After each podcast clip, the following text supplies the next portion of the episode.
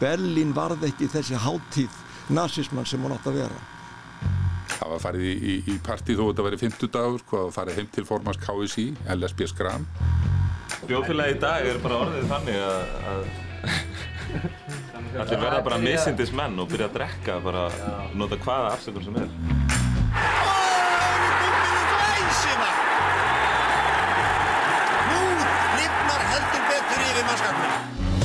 Komið sæl og velkomin í Þræði. Ég heiti Alli Már Steinarsson. Og ég heiti Ingo Þór Björnsson og við ætlum að vera í fótbolta stuttbuksunum hérna í dag. Já, það er mánuður, bara ákkurat í dag, þá til að HM í knatsbyrnu Karla fer fram í Katar. Já, Katar Ekvator er fyrsti leikur, mm. uh, nákvæmlega til fjóra vikur eins og þú segir, en Katar náttúrulega leiði undir verulega ámali fyrir, uh, ég sé sérkla, vegna aðbúnaðar farandverka fólks í aðranda á HM og ímessa mannréttinda brota. Já, það uh, hefur verið mikill hiti, mikill talað um þetta mót, en það er náttúrulega lítið við því að gera núna, því að Já. það er bara mánuður í þetta og, og, og það er enginn að fara að hætta við núna. Nei, nei, og við erum svo sem ekki hér að í þráðum að rýna í leiki eða leikmenn, nei. við erum að skoða söguna og setja hluti í samengi Já, og ég ætla að horfa til ársins 98 Já. og heimsmeistara mótsins í knarspunni sem fór fram í París þá, eða í Fraklandi Já.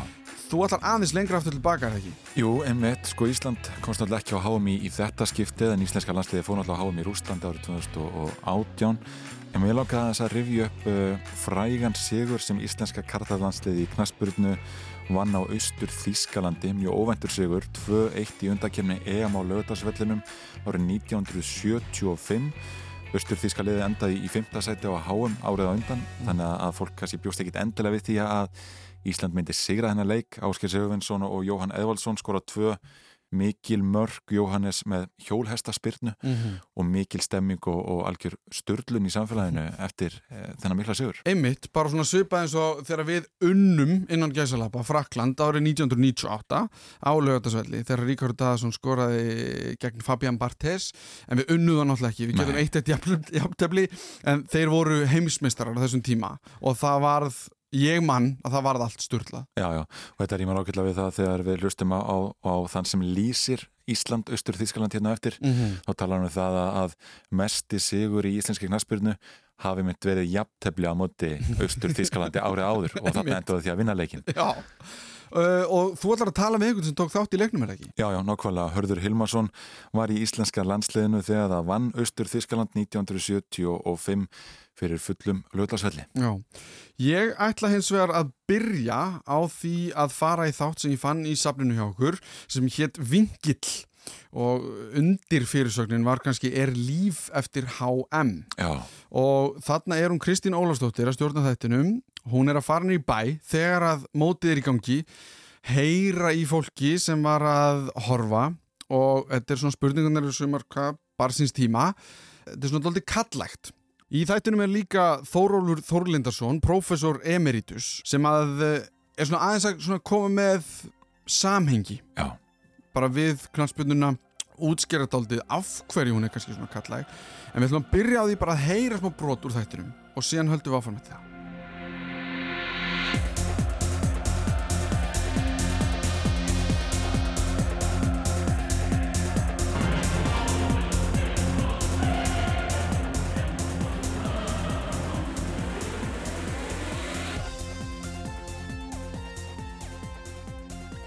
Maður minn er haldinn töluverði fótbolta fíkn og maður finnur henni held ég og það er allavega mín reynsla eftir aldar fjóruðangs sambúð að menn finna henni farveg.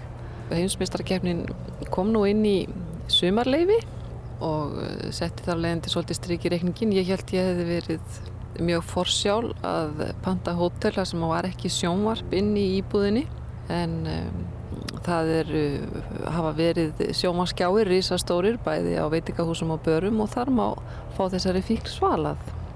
Þannig að á marganátt var þetta kannski, þetta sumarleifi öðruvísi en ég hafði hugsað mér það. Komið sælir hlustandi góðir. Nú að lokinni heimsmeistarakeppni í fótbolta og þegar tími blómakaupa og vísareikninga fer í hönd, er ekki laust við að maður spyrja sig hvaða sé við knatsbyrnuna sem fær menn til að setja limda við skjáin og hætta jáfnvel hjónabandinu og vinnunni. Ég spurði Þórólf Þorlindsson, professor í félagsræði við Háskóla Íslands og nokkra áhörfandur á börum í Reykjavík út í fótboltan, fjölskyldulífið og um það hvort það væri líf eftir heimsmeistramótið í knatsbyrnu. Eh, það er svo margt í knatsbyrnunu sem ger hann áhugaverða. Við höfum fyrsta lagi þennan hóp einstaklinga sem að horfur á knatsbyrnuna eins og listgrein Eh, við sjáum í knastbyrnunni ja, svipaða hluti og við sjáum í ballett eða skinnjum þegar við hlustum á flotta músík og ítróttir á svona háuplani eru list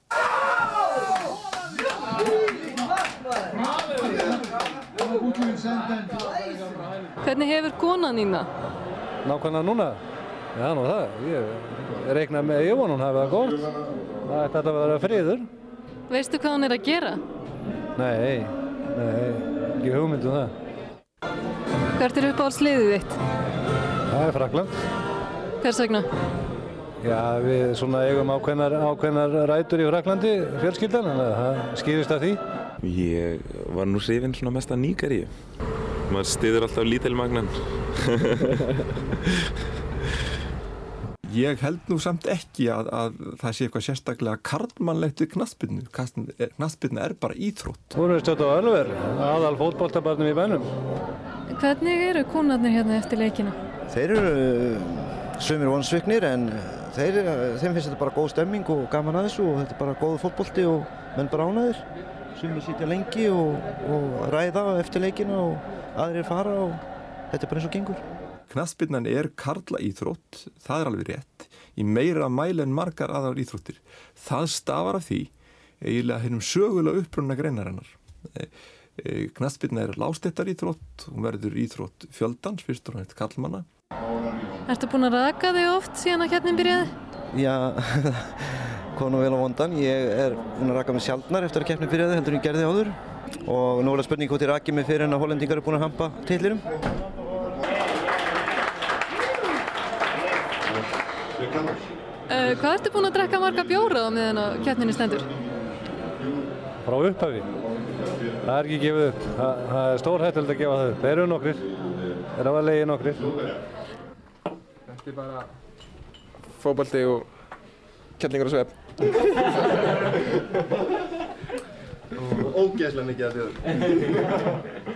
Meiri dagdrykja. Fyrir, maður er náttúrulega að drekka fyrir alla þessa leikmenn sem eru að hlaupa þarna fram og aftur og eru ógeðslega þyrstir á vellinum sko. Þetta er bara að kjáta, þetta er bara náttúrulega bara allt. Svo er þetta náttúrulega bara góð afsökun til að verða fullir, það er bara, það er ekkert fram í að því að líta það sko. Þjóðfélagi í dag er bara orðið þannig að, að allir verða bara misindis menn og byrja að drekka bara, nota hvaða afsökun sem er.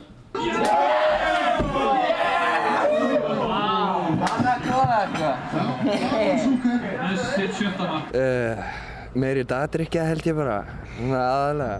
Nei, þetta er bara æðislega stemning. Kom inn á pubin og horfa á leikinn með fullt af skemmtilegu fólki.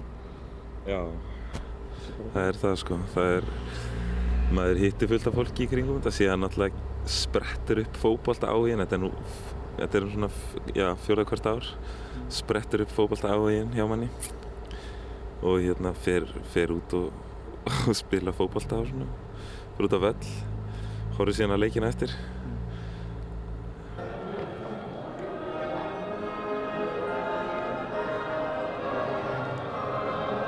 Hefur þú fitnað síðan kjarnin byrjaði? Nei, nei, nei, nei, nei, nei, nei. Þetta, þetta er leiðandi spurning. Nei, nei, nei. Hvaða áfengi hefur þú selt mest af?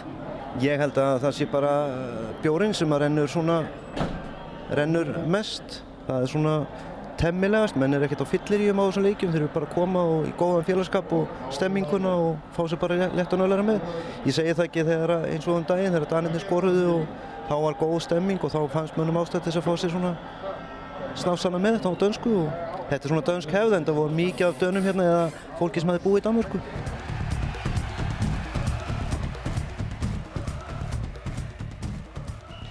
Það er karlmenn sem spila bolta, ekki bara endilega skipulan heldur í svona á, á græsflötum og, og götum úti og allstar þar sem hægt er að rúla bolta, einn, tveir eða þrýr eða hvaðan og margir.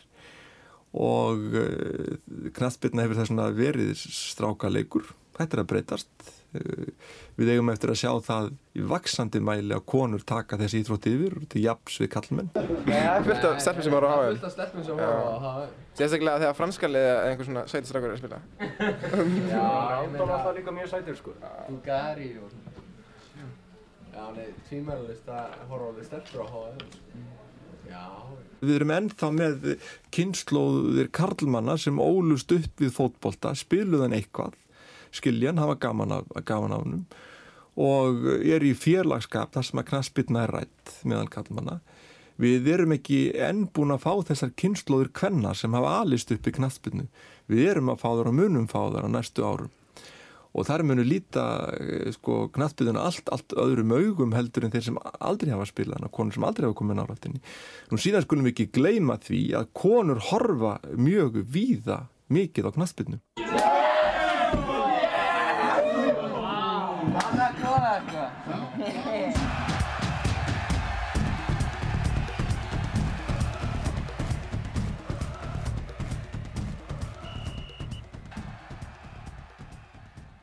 Hvernig hefur þetta gláp þitt hér haft áhrif á fjölskyldulífið? Já, þú sér það. Ég er hérna en ekki heima á mér. En það, hún, það takaði mjög vel. Ég fæ mikið sveigurum þegar það er svona kemni. Hvað ertu búin að setja í margar vélar? Ég held ég hef ekki sett í einu einustu síðast niður 30 ár. það breytir svona tæflu úr þessu. Hefur konaðinn slögt á sjónvarpinu á meðan að leikstendur? Nei, það gerur hún ekki. Hvað er konaðinn núna? Bara ferðarlagi. Þá höfum við stóra hópa einstaklinga sem að horfa á knallspinnuna í svona, uh, já, með þjóðar stolt í huga og svona, þá kemur þjóðarni Siggjan inn í, inn í þetta.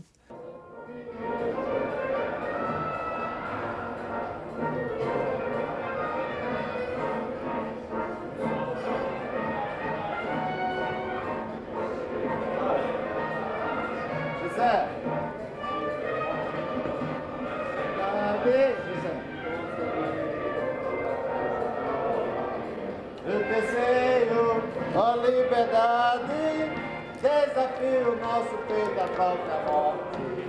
Ó pátria amada, idolatrada, salve, salve. Brasil, só imenso raio fúgido, brilhou no céu da pátria esperança. Og músefini verður náttúrulega eh, mest í tengslum við uh, svona þjóðarstolt. Það er látrútt að hlusta á þessa hljóðklippu Þórólfur Þórleinsson tala þarna um að, að íþróttir á svona háu plani séu list en það er ekkert endilega að heyra það að þessi menn sem þarna eru séu á einhverju listasýningu? Nei, ekki alveg. Og þú heyri stemninguna sem ég nefndi kannski í byrjun. Já. Þetta er rosa kallægt hvað ertu búin að setja oft í vél, hvað ertu búin að raka þig oft? Hvað er konaði núna, eitthvað slíkt. Og ég vildi eiginlega aðeins bara fara betur í hvað er búið að gerast á nánast hvað segir maður, aldar fjórðungi Já. síðan þessi keppni var haldin. 24 ár. Já, og áður en við heyrum í Þórólfi þá ætlum við samt að fá hann einarörn til þess að taka einn saman þetta mót fyrir okkur örsnögt fyrir þau sem að muni ekki eftir eða bara voru ekki alveg komið til vitsu ára þegar það var. Og eftir það hendu okkur í smá svona greiningu, ég og Þórólfi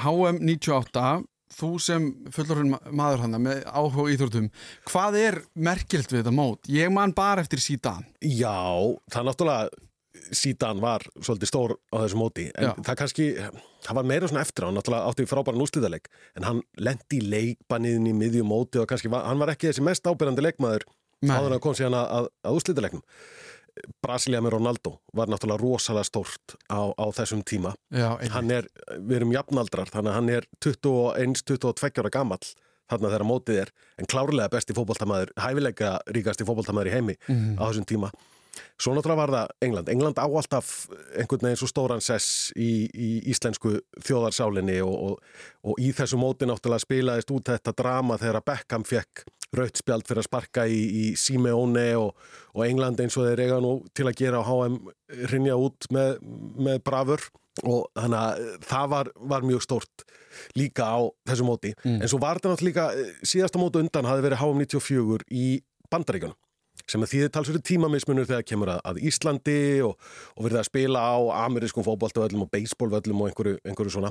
Þetta mótir í Fraklandi á okkar, okkar tímabelti og svona á okkar nær Mhm. svæði þannig að bæði svona aðdraðandari mótin og svo náttúrulega þegar leikirnir eru í gangi á tildulega eðlögum tíma hérna á Íslandi þá náttúrulega vekur það rosalega svona almennan áhuga á mótinu sem það gerði klárlega 98 og bara því hún nefnir bandaríkinu það var haldið 94 í bandaríkinum að, og við erum að svona aðeins að bera saman sko, hvað hefur gerst síðan af því að bandaríkin í dag með HM er líka allt annar kapitúlið, þú veist, það, þar eru einhvern veginn kannski peningarnir núna og Já, sko það má eiginlega með smá einföldun og, og hundalógik segja að, að móti 94 hafi verið svona þróunaraðstóð fyrir fótboltan í, í bandaríkunum. Það var ekkert í gangi í bandarískum fótbolta á þeim tíma Mhm. og þeir einhvern veginn svona byggu til sitt landslið til að keppa á mótinu og, og fyrir HM94 var bandaríska landsliði eins og félagsliði tvö ár Mhm. og það var svona þeirra leið til að eiga einhvern möguleika á að geta geta spilað á svona jafnréttis grundvelli á mótunni í bandaríkjunum 94. Staðin í dag er náttúrulega allt, allt önnur. Nú er komin atvinnudeild og, og 94 mótið svolítið kvekti svona pínu neista hjá, hjá bandaríkjunum Mhm. og svo náttúrulega fyrst erum við að tala um bandaríkjunum og 98. Þeir voru með á HM 98 og mættu þær Íran í leik sem var svona rosa undir alda að bandaríkin mæti Íran í, í leika á stórmóti í, í fótbolta og svo gerist það aftur núna í, í- Katar, þau mætast aftur, aftur þar sem við, við getum ekki sagt að bandaríkin og Íran séu miklar vina þjóðir. Nei, hvernig fór sá leikur 98? Uh, ég held að Íran hafi unnið Já, ok. 98, ég ætla ekki, ekki að sverja það Nei, nei. þó ég hafi verið orðin, fullorðin innan gæsalappa á, á þessum árum þá, þá man ég ekki öll úrslitin úr, úr leikjónum Nei. en ég man að það var mikil umræða fyrir leikin bæði hjá Írunum og, og bandrækjunum eigu að láta hann, leik- þú veist, fyrir þessi leikur eðlilega framverð einhver svona mun pólitíkin, alþjóðapólitíkin og tókstreitan á milli þessara þjóða einhvern veginn skila sér inn á völlin Mhm. en svo voru þetta bara 22 fótboltamenn sem mættust og, og eldu bolta Já.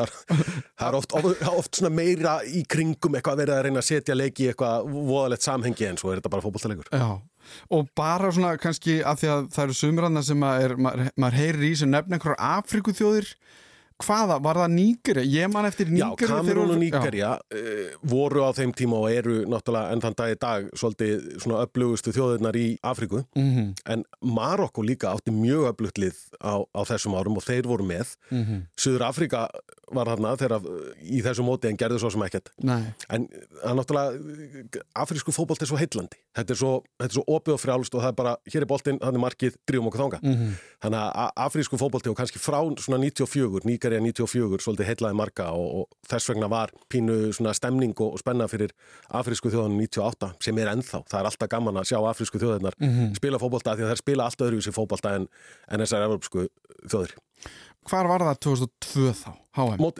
þá var það í Suður Kóri og, og Japan Já. aftur komin í, í allt annað tímabelti en, en Ísland sem að flækir svolítið að, að fylgjast með, með leikjónum Mhm. þannig ég hugsa að kannski færri hafa fylgst með 2002 Mhm. mótunu þá og það náttúrulega er bara alltaf auðvildra fyrir okkur Íslandi hvað sem það er háum í, í fótbolta eða olimpíuleikar þegar þetta er á meginlandi Evrópu eða, eða Breitlandsegjum þar sem að tímasvæðið er, er nær okkur það er erfiðar að vekja almennan áhuga á móti sem er klukkan fjögur um nótt bara svona, það gefur bara svolítið, svolítið auga, augalið Jokaya.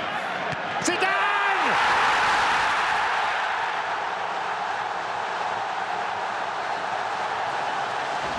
Lightning has struck twice. Two corners, two Zidane headers. Double trouble for Brazil.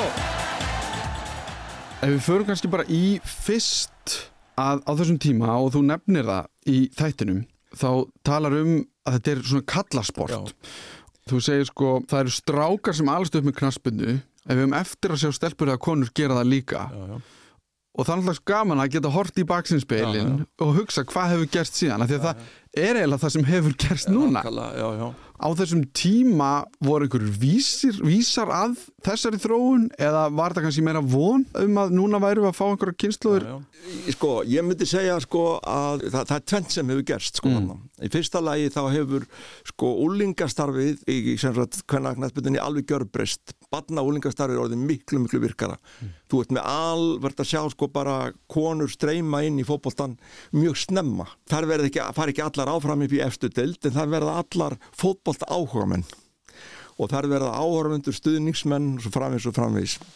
Þannig að þetta sjónarhótt sem við höfðum í 98 var kalla sjónarhótt var bara eðlilegt og rétt. Það náði ágætla utan mýþróttin eins og var þá. Mm -hmm. Það næri ekki lengur utan að mann eins og hún er í dag. Nei. konurnar komnar inn, bæði sem áhörfundur þáttakandur í skipulæginu stjórnun og fótboltinn er að breytast mjög mikið. Hvenna íþjóðan sækja mikið á. Það er eiga ennþá tölverti land. Þessi þróun er svona komið vel á veg en hvenna fótboltinn á tölverti land ennþá.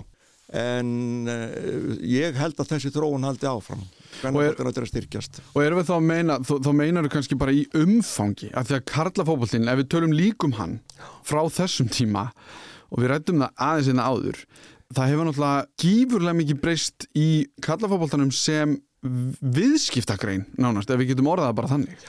Af því á þessum tíma þá erum við á horfa HM 98 þú ert með brasilska Ronaldo, þú ert með Zidane, það er eitthvað svona það er eitthvað frjálslindi nánast í fókbaltanum en þarna byrjar nánast peningarnir að myndast og vaksa alveg gífurlega síðan. Og það er margt sem gerir fókbaltan spennandi. Mm. fyrstalegi er hann íþrótt og við dáust að því sem vel er gert um flottir. Öðru lagi þá viljum við hafa spennu við viljum hafa eitthvað óvænt, við viljum að menn gera óvænta hluti.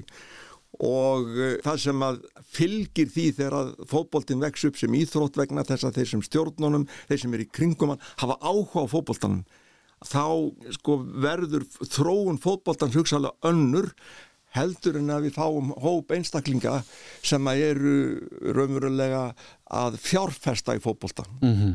áherslan á að vinna, áherslan á að græða á fótboltanum sko hún getur tekið yfir þessar hug, hugssjónir sem að lága baki íþróttinni í byrjun mm -hmm.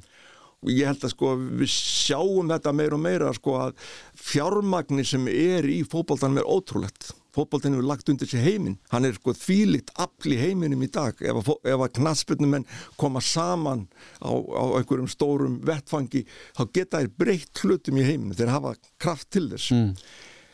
það má hins vegar held ég ekki gera það verði algjör skil á millesra grásrótar og fjármagseiganda sem taka yfir íþróttina ég held að það til lengri tíma þá munir það ekki, ekki verða íþrótundi framdráttar, ég held að það geti breytt henni. Mm -hmm. gert hana leiðinlegri, gert hana minna áhugaverða mm -hmm. eftir hún hefur verið. Og er það kannski þó það náttúrulega tengist inn í þessu nefnir að þetta með að fókbóltinn er, hvað sagður, lágstjættar íþrótt þegar hún byrjar? Já, til dæmis í Breitlandi alveg klárlega. Já, dæmi Og það náttúrulega kannski verður þá eitthvað róf þegar að einmitt hinn venjulega fjölskylda eða bara ef við segjum lástættar fjölskylda hefur ekki lengur efni á bara venjulegum miða á leik? Það breytist allt saman og stemmingin hugsalega breytist. Mm. Hins vegar verðum að hafa það í huga á móti kemur að sko fjölmiðlarni gera íþróttum miklu miklu betri skil heldur en þið gerðu. Og tekjurnar sem koma inn í íþróttnar eins og knaspirnar koma mjög mikið í gegnum fjölmiðla og í gegnum svona íms aðra hluti sko. Það er alveg ótrúlegt til dæmis hvað lið eins og Manchester United tekurinn af pinningum bara að selja treyjur og, mm -hmm. og alls konar hluti sem tengjast liðinu. Þannig sko að ég held að við erum bara við erum að sjá hérna ákveðna breytingu hvort það breytir stemmingunni á íþróttaleikjónum Mm. ég er ekki viss um það ég, mér finnst stemmingin alltaf vera góð Mm. ég meina þú er farið á leiki í, Já, já. í hún, er- hún er það alltaf en, en hún er tengd held ég þessum hvað maður að segja, þessum gömlu hefðum þær halda þessu lifandi finnst mér sko Já, sko, þú vilt ekki sjá íþrótt sem búið er að skipuleika svoleiðis í þaula Mm. að það gerist lítið óvænt inn á vellinu Já. Það er ekki það sem þú vilt sko Nei. og við höfum verið að sjá þessa breytingu við erum að sjá sko mjög mikið að vel þjálfum fótballtamunum þeir hlaupa sko 11, 12, 13 km í leik sko. Mhm. þeir gerðu það ekki hérna áður sko. Nei, nei. þeir eru í fáránlega góðu formi tæknin er alveg hún er sko, hefur sko mjög mikið af leikum en hún að velja með frábæra tækni Mm. boltan með friðin góð vaksandi verið að kenna fólki sko efla leikskilning taktikinn er orðin miklu mikilvægur og var. Mm. þú hefur sko, menn liggja yfir klippum af anstæðingunum og, og leggja upp svona hernar áætlun sko fyrir fram margir koma að þessu fleiri sem koma að skipuleika þetta þá verðum við kannski að passa það að taka ekki frumkvæðið af leikmönnum sem er inn á vellinum sem geta, þú verður ekki gleyma því liðsheldin byggist svolítið á stemmingunni í liðinu, ákefðinni en hún byggist líka ákveðinu frelsi til þess að menn geti improviserað inn á vellinum Mhm. og verið frálsir og tekið sensa, gert óvænta hluti Einmitt. og kannski sjáum við það núna eins og við höfum séð svo oft á þessum stórmótum að það eru einmitt þeir sem gera óvænta hluti sem breyta úrslitum leika, sem breyta þeim. Þegar við erum komið með ofskipulaðan leik að þá kannski e, verður áhærslan svo mikið á því að gera ekki vittleysur tap ekki, hvert mark er dýrt varnaleikurinn verður alveg í algjörlega í forgrunni í, í þessum, skipulagi. Við viljum ekki horfa á lið sem er hrætt við að tapa. Við viljum horfa á lið sem spila flottan fótbolta. Mhm. Mér langaði kannski aðeins líka til að minnast á að því að þú nefnir þjóðarstoltið Já. múg sefjunina sem ég veist mjög flott orð sem að myndast þegar að, sem að ég held að við sem Íslendingar höfum ekki upplifað eiginlega fyrir en við förum á EM og tökum þá þátt því að þá, og þú nefnir að ólíklegasta fólk æsist Já, já. og verður bandbrjálað. Það var það sem ég uppliði líka á EM. Allt í hennu var fólk sem ég vissi ekki að hefði nokkurn einast áhuga á fótbolta sem var alveg brjálað yfir einhverjum dómarum eða dómum eða hvernig sem það var. 98 þá erum við ekki með eigendur sem er svona mikið fjadrafók í kringum. Núna höfum við það. Við höfum eigendur sem eru á þessum stærstu liðum sem eru mjög umdildir eigendur og þeir sem halda móti núna ég meina að ég held að það sé nú fólk held ég geti bara fundið út því að googla það sjálft að það er mjög umdilt hvar mótið fyrir fram núna. Og það er að tala um þetta sportwashing það sem að þú notar eitthvað til þess að svona smá þvó ímyndina eða einhvern veginn skapa betri ímynd. Það var örgulega ekki í Fraklandi 98 hefur það líka breytt einhvern veginn ímynd fótboltans? Að lönd eru eiginlega farin að eiga fótboltalið og átta sig kannski á þessari múgsefjun sem þau geta einhvern veginn náð fram Það er langt síðan, stjórnmálamenn áttu þess að því það er að nota íþrótti til þess að eh, ná fram ákveðnum hlutum, stemmingu, samstöðu og, og breyta hlutum. Það er langt síðan það gerðist. Já. Ég held að það hafi verið Helmut Kohl sem sagði á sínu tíma sko að var kostningar á sama tíma og landsleikur var Mm. og hann sagði held ég landsleikurinn var sko held ég bara daginn fyrir kostningadag Mm. og hann sagði það fer svolítið eftir úrslitum leiksins hvernig niðurstu kostningana verða. Já, og e, þetta var náttúrulega gert hann í, sko, Sovjetríkin gerðu þetta sínu tíma, lögði áherslu á það að, að sko, árangur í íþróttum síndi að raunverulega skip, þjóðskipulag í Sovjetríkinu væri gott skipulag, Mhm. íþróttuna voru svona til þess að undirstrika hvað samfélagi væri vel skipulátt og gott í, Rúslandi. Gerði Þannig Hitler þetta ekki það sama með Berlínar olimpíuleikana? Jú, Berlínar eru besta dæmið Já. en Be- Berlínar olimpíuleikarnir eru líka sko, besta dæmið um það að íþrótturna geta tekið yfir, það taka völdin Mm. eins og gerist í Berlín. Berlín varð ekki þessi hátíð nazismann sem hún átt að vera.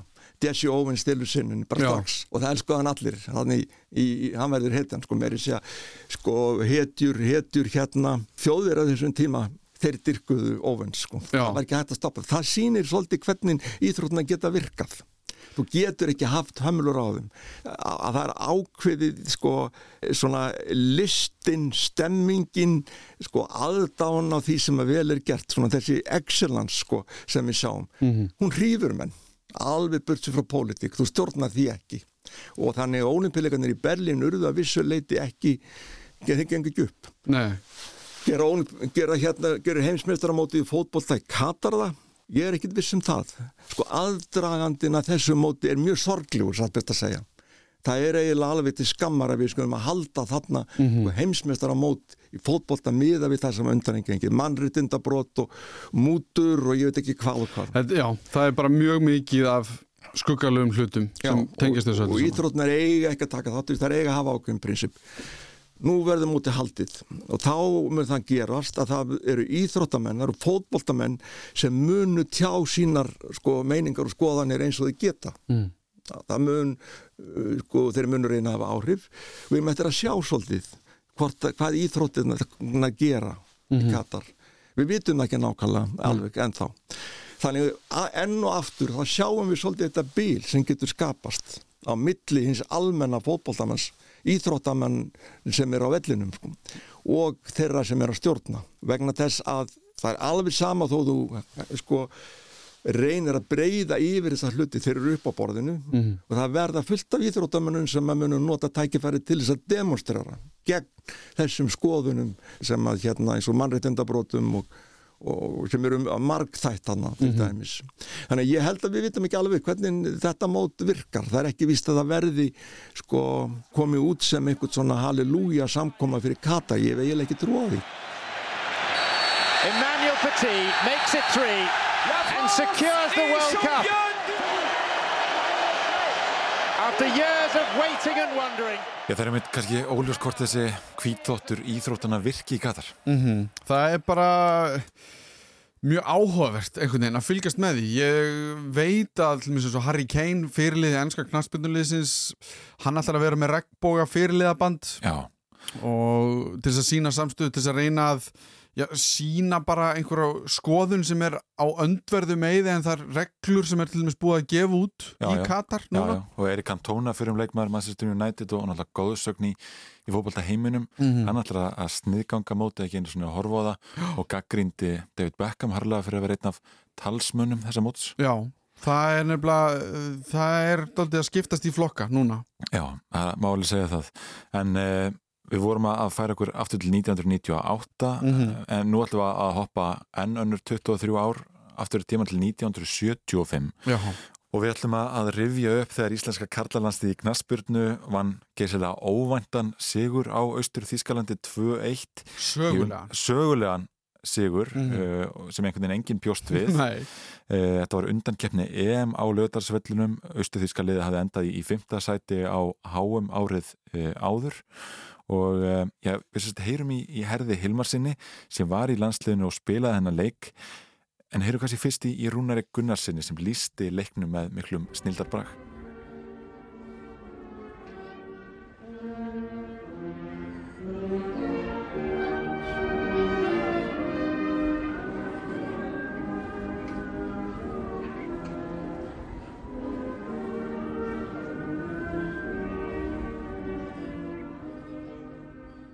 leikurinn er sem sé, hef, hefjast og hér er um það byrj 10 til 12.000 áhorfendur. Oft hafa áhorfendur komið hingað á laugadagsvelli. Aldrei eins margir og núna, kannski er von til þess að íslenska liði sem stundum hefur orðið að leika öskubusku hlutverkið. Kannski er einhver von til þess að íslenska liði sé nú að rétt á kútnum og ná að sína hvað í því býr. Það kom svo sannlega á óvart í fyrra þegar að jafntefli við Östu þjóðverja var staðreind og það á heimavelli þjóðverjana og hér byrja þeir með voltan gestirnir, það er Pomerenke nr. 8 þarna á miðjunni. Og leikurinn sem sé hafinn. Og þeir eru strax í vöka verjast íslensku strákarnir sækja strax að þeim og ná boltanum. Og Teitur Þórðarsson til Guðgeis og Teitur. En Guðgeis Snúkharsi sendir boltanum fyrir endamörk og það er strax komið innkast og það má segja að þeir komi hingað til leiks eins og grenjandi ljón strákarnir okkar austan af Þingvöllum þar sem þeir hafa eitt helginni. Og það er Guðgeir Leifsson sem tekur innkastið. Og það er eins og fyrir daginn eitt af þessum löngu sem fáir hafa lag á á borðið. Nei, það er uh, Áskil Sigurðsson sem tók hotspilluna hana og það er Áskil sem har boltan aftur. Það er snarpur norðanvindur. All snarpur og nú uh, er Marteinn sem reynir að koma boltanum hann fram. En uh, Martin Hoffmann nær honum. Áskil Sigurðsson var sóttu til Belgíu fyrir þennan leik, það er eini atvinnumadurinn í íslenska hópnum. Jóhannes Eðvaldsson sóttu til Danmerkur þar sem er leikur með Holbeck og Elmar Gisson hefur leikið með Hertha Zelendorf í Vestuberlin en bæði Holbeck og Zelendorf eru áhuga manna lið þannig að það er aðeins Áskei Sigurvinsson sem er leikuð með Standard Lies í Belgíu sem er atvinnum aður í Íslandska liðinu. Nú, austur þjóðverjar teljast áhuga menn en það er ofinbært leindarmálað þeir eru mjög styrtir af stjórnvaldum síns ríkis en það eru austur þjóðverjar nattspyrnu stórveldi og raunar íþróttastórveldi. Þeir standa í fremstu röð í hvaða íþróttagrein sem vera skal. Gísli Torfarsson Um, 1975 uh, þá er ég uh, 22 ára og var fyrirlið valsliðsins tók við af Jónis Eðvaldsinni þegar hann fótt til Glasgow Celtic.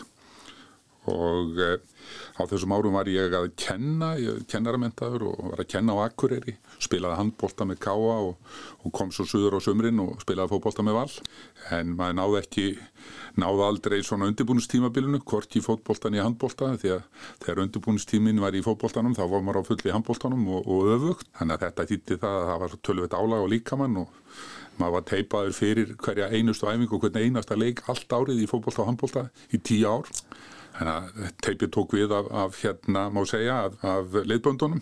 Já.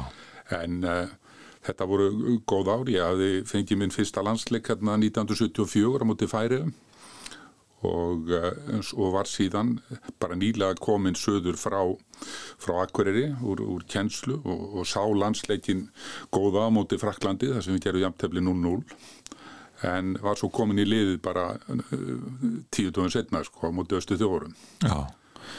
Og, og hvernig var tilfinningin að vera valinn upprunlega í hópin? Það, það kom í rauninni þar á þeim tíma svolítið óvart að því þetta var stutt á milli og liða hafi náðu góðum árangri en, en uh, það var bara ánægilegt og, og, og gaman að, að uh, fá að, að byrja og spila þennan eftirminnilega leik, einn ein stæsti sigur í íslenski knastbundusögu var gaman að vera þáttakandi í því á samt góðum félögum. En þessi leikur sem við ætlum að hérna, var spilaður í undankeppni EM, hvaða væntingar höfðu þið til þessa mótus? Það var nú ekkit rætt svona fyrirfram, það var ekkit verið sko, endilega einn markmiðssetning og önnur er svo að standa sér vel. Við, lendum á móti þyrnasterkum liðum, vorum í reyðli með Belgiu og Fraklandi aukaustur Þýskalands og þarna var náttúrulega voru tvö þýsklið sem voru að keppa á stórmótonum Östu Þýskaland og Vestu Þýskaland og, og Vestu Þýskaland hafði orðið heimsmeistari árið áður 1974 en þá voru þeir í riðli með nákvæmum sinnum Östan Játtjálsins og það var eini leikurinn sem að verðandi heimsmeistara töpuðu. Þannig að við vorum að fara í leika móti liði sem hafði unnið heimsmeistarana. Já, og hver var aðdrandin að þessum, að þessum leik og hvernig var skipulagið og undirbúningur? Undirbúningurum var skemmtilegur á þessum árum. Það, við, við fengum mikið út úr því. Við, við fórum yfirleitt úr bænum fyrir leikina sem voru spilaður á Íslandi, gistum á, á Hotel Valhöll á Þingvöllum, keirðum síðan yfir heiðina yfir á Laugavatn og æfðum þar. Á, þá var græsföllurinn við, við Íþróttaskólan, það var Íþróttakennarskóla á Laugavatni og, og Íþróttamiðstöð þar og þá var græsföllurinn bara ágætur. Og það er eftirminnilegt sko hvað þjálfarinn sem var Tony Knapp, englendingurinn knái, hann, hann var landslýstjálfari þessum árum og hann talaði í okkur kjark á leiðinni í rútunni með þeim hætti að, að hérna, menn voru vel gýraði þegar þeir komu inn í lögadal og fóru að undirbúða sig fyrir leikin. Hann sagði bara að þeir hefði enga rétt á að vera á sama vell og við sko. og við trúðum því í blindni sko, þetta var svona múksefjum sko. hann var mikil peppari og, hérna náðu okkur vel á já, og það skiptir öllu máli í svona. Skiptir öllu máli svona þegar við erum að spila móti, móti hérna, liði sem hefur sterkar einstaklinga þetta er svipaður, svipaður gerði setna með, með þá félaga Lars Lagerbäck og, og heimi. Já, já, einmitt og leikurinn hefst þarna 5. júni 1975 og strax á 19. mínutu þá, þá skorar Jóhannes Evaldsson í miklu leysliði hjólhestaspyrnu. Marteinn fer þarna upp að endamörkum og reynir að ná í boltan. Ólafur Júlísson!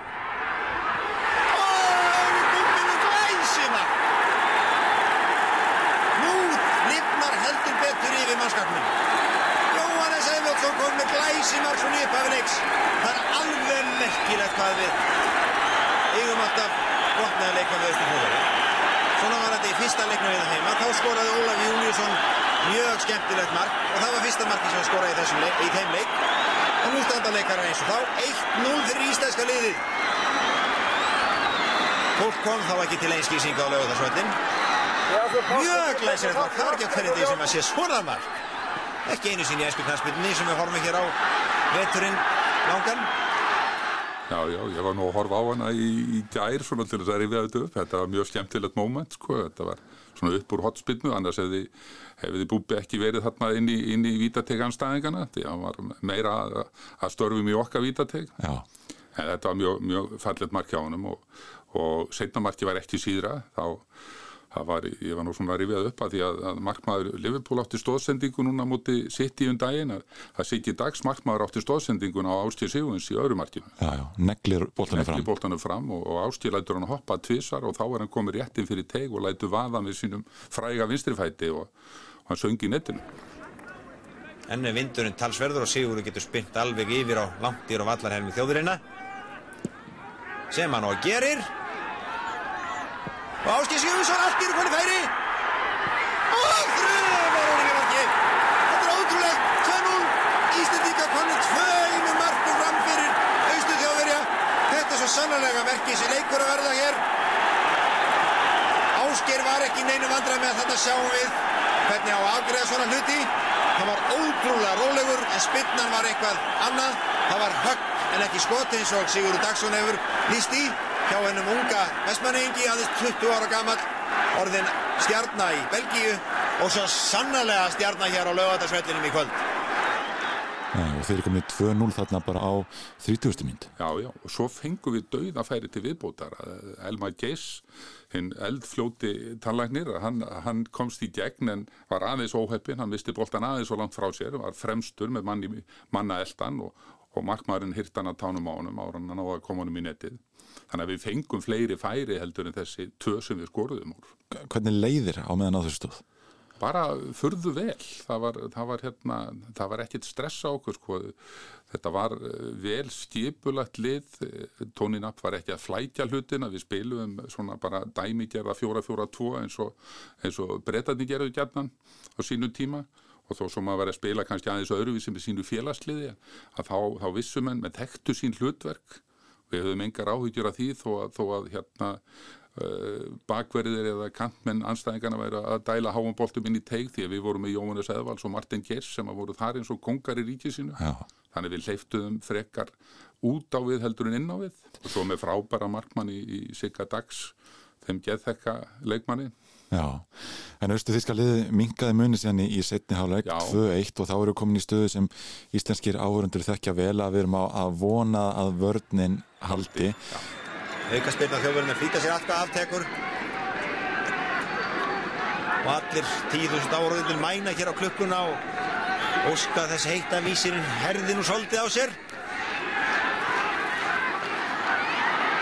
Er hægt að þarna? Ah, það var gott oi, þarna var stór hægt að ferðum. Já, þess framhjá Sigurður var komin eins og grimt ljón út í hotnið og hefði nú sjálfsagt varið þetta þarna. Nú er orðið gífuleg spenna hérna. Maður hefur bara varla upplifað annað eins á íslenskum íþróttaleikvangi hvorki innan húsni utan. Mattías Hallgrímsson Íslandíkarnir eru nú þarna að tæfja tíman en það er sjálfsagt að halda þessu hvað sem það kostar. Jóhannes Edvaldsson Það lá á okkur á, á, á tíma en, en við, við stóðum þessi áhlaup og svo voru nú gerað tvær breytingar undir lokin en þær voru ekki á sko aftar í vörnin heldur sko ég meittist lítilega og þurfti að fara út á þegar 12-13 myndu var eftir og, og þá kom Karl Hermansson sem að, sem að hérna valdi fókbólta með Rúni Júlvinnunars valdi tónlistina, þeir voru saman í Hljómum og í Keflavík. Og Kalli frábæn áhengi, hann, hann kom inn á fyrir mig og svo, svo man ég að, að ég held að Elmar hafi farið út af fyrir Matta Hallgríms frá Akranissi þannig að en, en við heldum þetta út og, og, og það var, ég held að verið 10-11 manns á vellinum og, og maður hefur sko æg síðan verið að hitta fólk sem segi ég var á vellinum sko, að segja mér frá því og að rifja upp hvað þetta hafi verið eftir mig allir aðri hér á lögatarsveitinu hér hefur myndast einhvern svo magnaðasta múlsemi sem nokkuð tíman orðið vittni af Það var líka mjög gaman hérna daginn eftir, var, þetta, þetta var mjög sérstæðið, náttúrulega það var farið í, í, í partí þó að þetta verið 50 dagur, sko, það var farið heim til formans KSI, LSB Skram, hann bjóð þá held ég við stýrimannastíl og það var mikil veistla og mikil gaman og við þurftum engin aðkeift skemmtiðatrið því að við vorum með tvo gítarleikar í hopnum sko, bæði fyrirliðin eh, Jóhannes Æðvarsson, Bubbi, hann spilaði gítar og, og eins eh, Elma Geiss var góði gítarleikari þannig að það var góð stemming og það var einhver þekktu poppari sem að banka þann upp og alltaf komast í partíð, mættum í gítarið sinn en hún var, bara, hún var þakka pent fyrir komuna, við þyrftum ekki dánum að halda sko. getum séð um þetta sjálfur sko. en svo bara á þessum tíma ég, ég var þá að vinna í, ég var flok, flokkstjóri í unglingavinnunni og tók að móti unglingum á, á valsvellunum að hlýðarenda eins og mínir kollegar Sigur Dagsson og Jónus Eðvaldsson hefðu gert áður. Og ég var mættur í vinna klukkan 8 að setja morgunin eftir að setja börnunum fyrir eða unglingunum hvað þetta gera. Og, en fekk svo, fekk svo frí svona eftir, eftir kaffi.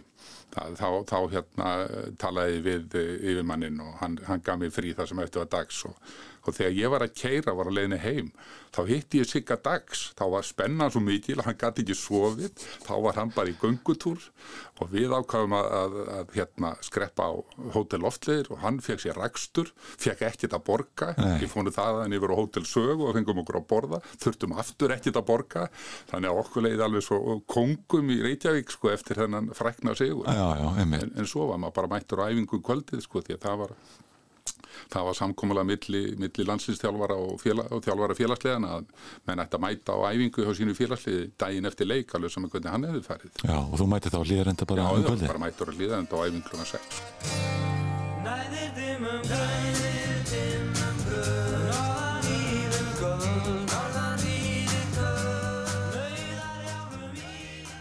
Þetta er magna, heyran, tala um leik Já, já, og þegar hann finnur hérna Sigga Dag sem gæti ekki sofið og er þá að rölda um borgina Já, þetta seinna. er algjört kongalíf Já, já, það þurfa ekkert að borga en þetta er áhugavert sem að nefnir að þetta eru bara íslenski tannleiknar, bakarar, kennarar. Mm -hmm. og síðan Ásker Sigurvinsson. og síðan Ásker Vinssulega að sigra austu Þískland Já, það er náttúrulega magna og sko, ég náttúrulega hef, þú veist, auðvuslega það eru tíu ár þanga til ég fæðist þegar þessi leikur fyrir fram. Já, já. en mér finnst svo gaman að því nefndi Áskir núna að heyra hann tala um þennan tvítuga já. sem er bara orðin stjarnar í, Berl, í Belgíu já, og einhvern veginn, þú veist, maður hefur heyrt um það jújú, jú, einn af okkar bestu og allt þetta en að heyra samtíma fólkið mm. á sínum tíma tala um að þetta hefur verið örgulega magnað að sjá já, svona náunga sem er orðin svona góður sko. Já, og Íslandingar þögt, þekktu þetta ekkert að mann var að spila þessu stíi endilega e, áður en, en ásker verður svona góður Nákvæmlega. getur við sagt og, og, og einmitt magnaði sem mann er að tala um að, að, að, að fólk ekki ná að taka endilega þátt í undirbúningstímabilinu Já hafa verið að sinna sinni vinnu einfallega og, og síðan tekið sumarið í boltan og hann er alltaf flokkstjóri í úrlingavinnunni sem er líka alveg galið sko. mætir áttadaginn eftir í það verkefni. Mm -hmm. en þetta er líka rosalegur riðill eins og við nefndum hérna, þetta er Austur, Þískaland Belgia og Frakland og liðið gerir jafntefni við stert lið Frakka. Rétt svo tapar fyrir Belgiu og íslenska vörðin þarna mjög mikilvæg. E, fá, fá á okkur í þessar undankefni mm. en ég spurði Hjört hvort það hefði ekki hreinlega verið já, vonbrið að komast ekki alla leið á enn. Ég, ég held ekki vending að það voru ekki það miklar uh, á þessum tíma en þær urðu meira bara örfám árum setna þegar að fara að koma fleiri gæða leikmi, við vorum alltaf með albesta leikmann í Íslandska knæspindusögu í ástýri Sigurvinsinni, hann var stórkostlegu leikmaður og, en síðan þegar að fara að koma þarna inn leikmenn eins og Arná Guðjónsson, Pétur Pétur Siggi Jóns og, Guðni Bergs og, og fleiri.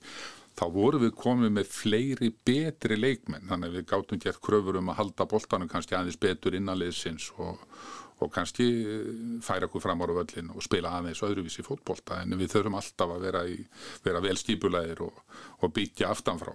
Grunnunum verður að vera réttu hjá okkur ef við ætlum að ná okkur í einhver stig og komast lang. Það er áhört að litið er á íslenska hópin þarna að þarna er einhver hluti sem er í atvinnumönsku en síðan ég fullt að leikmennu líka sem er að spila hérna heima og, og, og veit sinna sinni vinnu samhliða því að vera að sigra austur Þískalandi í knaspilna. Já, já, þetta hérna Þetta var Magna Siggi Dags, íþróttakennari, Gísli Torfa, kennari. Eh, Jónas Evas var aðdur maður úti og ég held að Martin hafi öruglega verið komin út líka á þessum tíma. Jón Pétursson eh, bakari, ég held að hann hef ekki verið komin út en hann fór setna til Svítjóðar. Guði Leifs var aðdur maður, svo voru, var ég á miðunni með Gera Sigurvins sem var náttúrulega aðdur maður á þessum tíma frábær.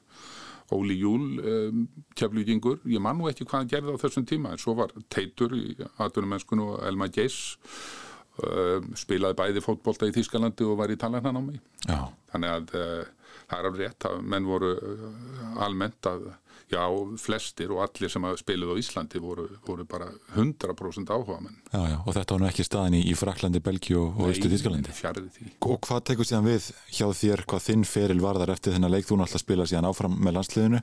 Ég spilaði áfram með landsliðinu eitt árið þá, þá dætt ég út því að ég, ég var að kenna á veturna eins og ég nefndi á þann og og kom alltaf söðu til að spila með, með mínu félagi val á sumrin. Nema einu sinni, þá spilaði með Káa í annar deldinni og og var þar bæði fyrirlið Káalegsins þjálfaði tvo flokka og var framkvæmdastúri knaspundeldar þannig, þannig að Ká á sterk ítök í mig líka. Að þá dætti út úr landsliðinu. Og inn aftur þegar þessu kvildar árið var lokið en síðan eftir ég fór og gerist atvinnumæður í Svíþjóð og spilaði með AEK í Stokkólmi að ég spilaði ekki landsleik eftir það. Það KSI vildi fá mig í einhverja leiki og, og höfðu samband við AIK ég var að spila hérna spilaði alla leikina í allsvenskan einn af þreymur leikmannum í 1981 og það var haft samband 80 og 81 en þá vildi AIK að því að það hefði verið svolítið meittur fyrra árið sem ég var hjá þeim að þá, þá hérna vildu þeir að KSI tríði mig fyrir einhverja verulega upphæð og, og KSI var ekkert byrjað á slíku þannig að, þannig að hérna, þeir snýri sér bara öðru leikmannum og og ég spilaði ekki fleiri, kom, sér, kom reyndar inn í hópin þegar ég flutti heim og þá gerist ég spilandi þjálfari hjá Grindavík í þrýðudeldinni og munaði mjög litlu að ég er í fyrsti landslismæðu Grindavíkur því að ég var í hóp sem fótt til Kuwait, þá var ég búin að æfa með landsliðun og spila alla leikin, alla veturinn. Meitti svo Íslandsmóti innan ús bara hálfu mánuði fyrir ferð. Og, og hérna Jóhannes Allarsson landslistjálfari þá, hann ætlaði að láta mig byrja inn á en ég, ég fannst það ekki rétt að ég hef orðið að koma út af eftir tímundur eða hálftíma sko. Þannig að, þannig að það var svona í síðasta, í síðasta skipti sem ég, ég var í landslishóp því að svo hætti ég þrítur, var búin að vera tölvöld meittur og, og gafst upp á því Einmitt. En nú er mánuður í að, að HM í Katar hefjist og, og margir klóri sér enni í kollurum og velta fyrir sér hvers vegna Katar var fyrir valinu. Mikið talað um Ímis mannréttindabrót og, og þú þekkir ágætlega þessi stóru mót. Uh, sko þið náttúrulega eru þannig að spila moti Austur Þýskalandi og, og, og Sjóveitríkjónum og, og ríkjum það sem stjórnvöld voru svona gaggrínt á einn áttið annan og þú nefnir hérna Kúveit. Var einhvern veginn einhver umræðið um það að láta pólitíkina ráða því að ekki yrðið spilað við ákveðna þjóð? Nei, ég minnist þess ekki en, en úr þú nefnir þarna eins og eins og Sovjetríkinn, þá, þá er það magna, ég held að ég hef átt eitt minn besta landsleik þar úti en við töpuðum reyndar 1-0 á útivelli þeir skoruðu síðustu 15-20 myndunum eitt mark og þeir hafðu verið að vinna England þarna 3-4-0 sko bara skömmu áður. Já.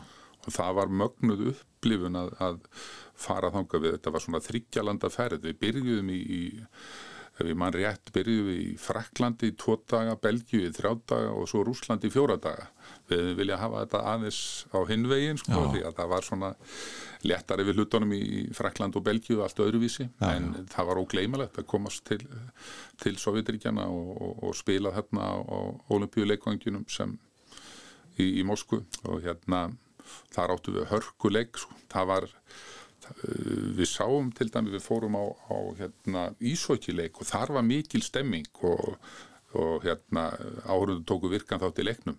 Það var svona dauðvara í, í landsleiknum og svo gerðist það einhverju sinna það þeir áhörðu fóru eitthvað að blístra þá voru við að kannski að tefja eitthvað aðeins og leikmenn að gera meira úr meðslum til að fá inn sjúkraþjálvaran og þess vegna þjálvaran og aðeins að draga úr hraðanum í leiknum áhörðu byrjuði að blístra en, en svo tóku við eftir því að sko þeir stóðu upp, blístruðu en settu strax niður aftur því að þá var ring, allan ringin eh, umhverfis völlin, þá voru hermenn og þeir stóðu bara snýru sig við að áhörundum og stóðu þannig þar sem eftir var leiks og snýru baki í völlin og þá þagnaði allt sko, og allir settust og enginn blístraði eða, eða kallaði að gera neitt. Þannig að það var svona, það var mikið lægi á hlutunum.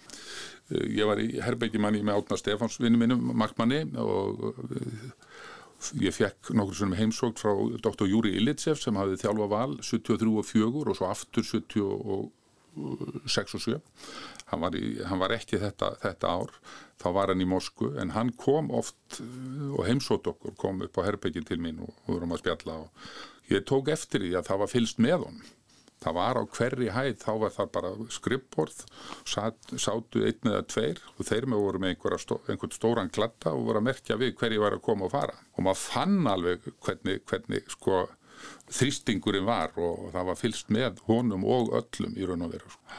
En er þá æskilegt að vera að halda leiki og, og, og svona stór móti í landi eins og Katar? Mér finnst það ekki. Mér finnst þetta bæði að þetta trublar deildakefnina í öllu löndum tímasetningin. Það er hitin og síðan er þessi aðbúnaður og þessi mannréttina brot sem eru stundu þannig og svo veit maður að, að þetta er náttúrulega, þeir, þeir hafa verið að dæla peningum í þá sem að völdu staðinn og þannig fá þeir HM. Já, já. Það er ekkit flókið, það eru bara peningarnir sem að, sem að uh, valda því að, að HM er haldið í Katar þetta árið. Nú er þetta alveg verða búið. Það eru liðna 45 mínútur á klukk og dómarinn fann að nýta klukkuna. Spennan er komið hér upp í 2000 volt. Allt orðið raukt, allir mælar fannir að væla hér á lögandarsvettinum.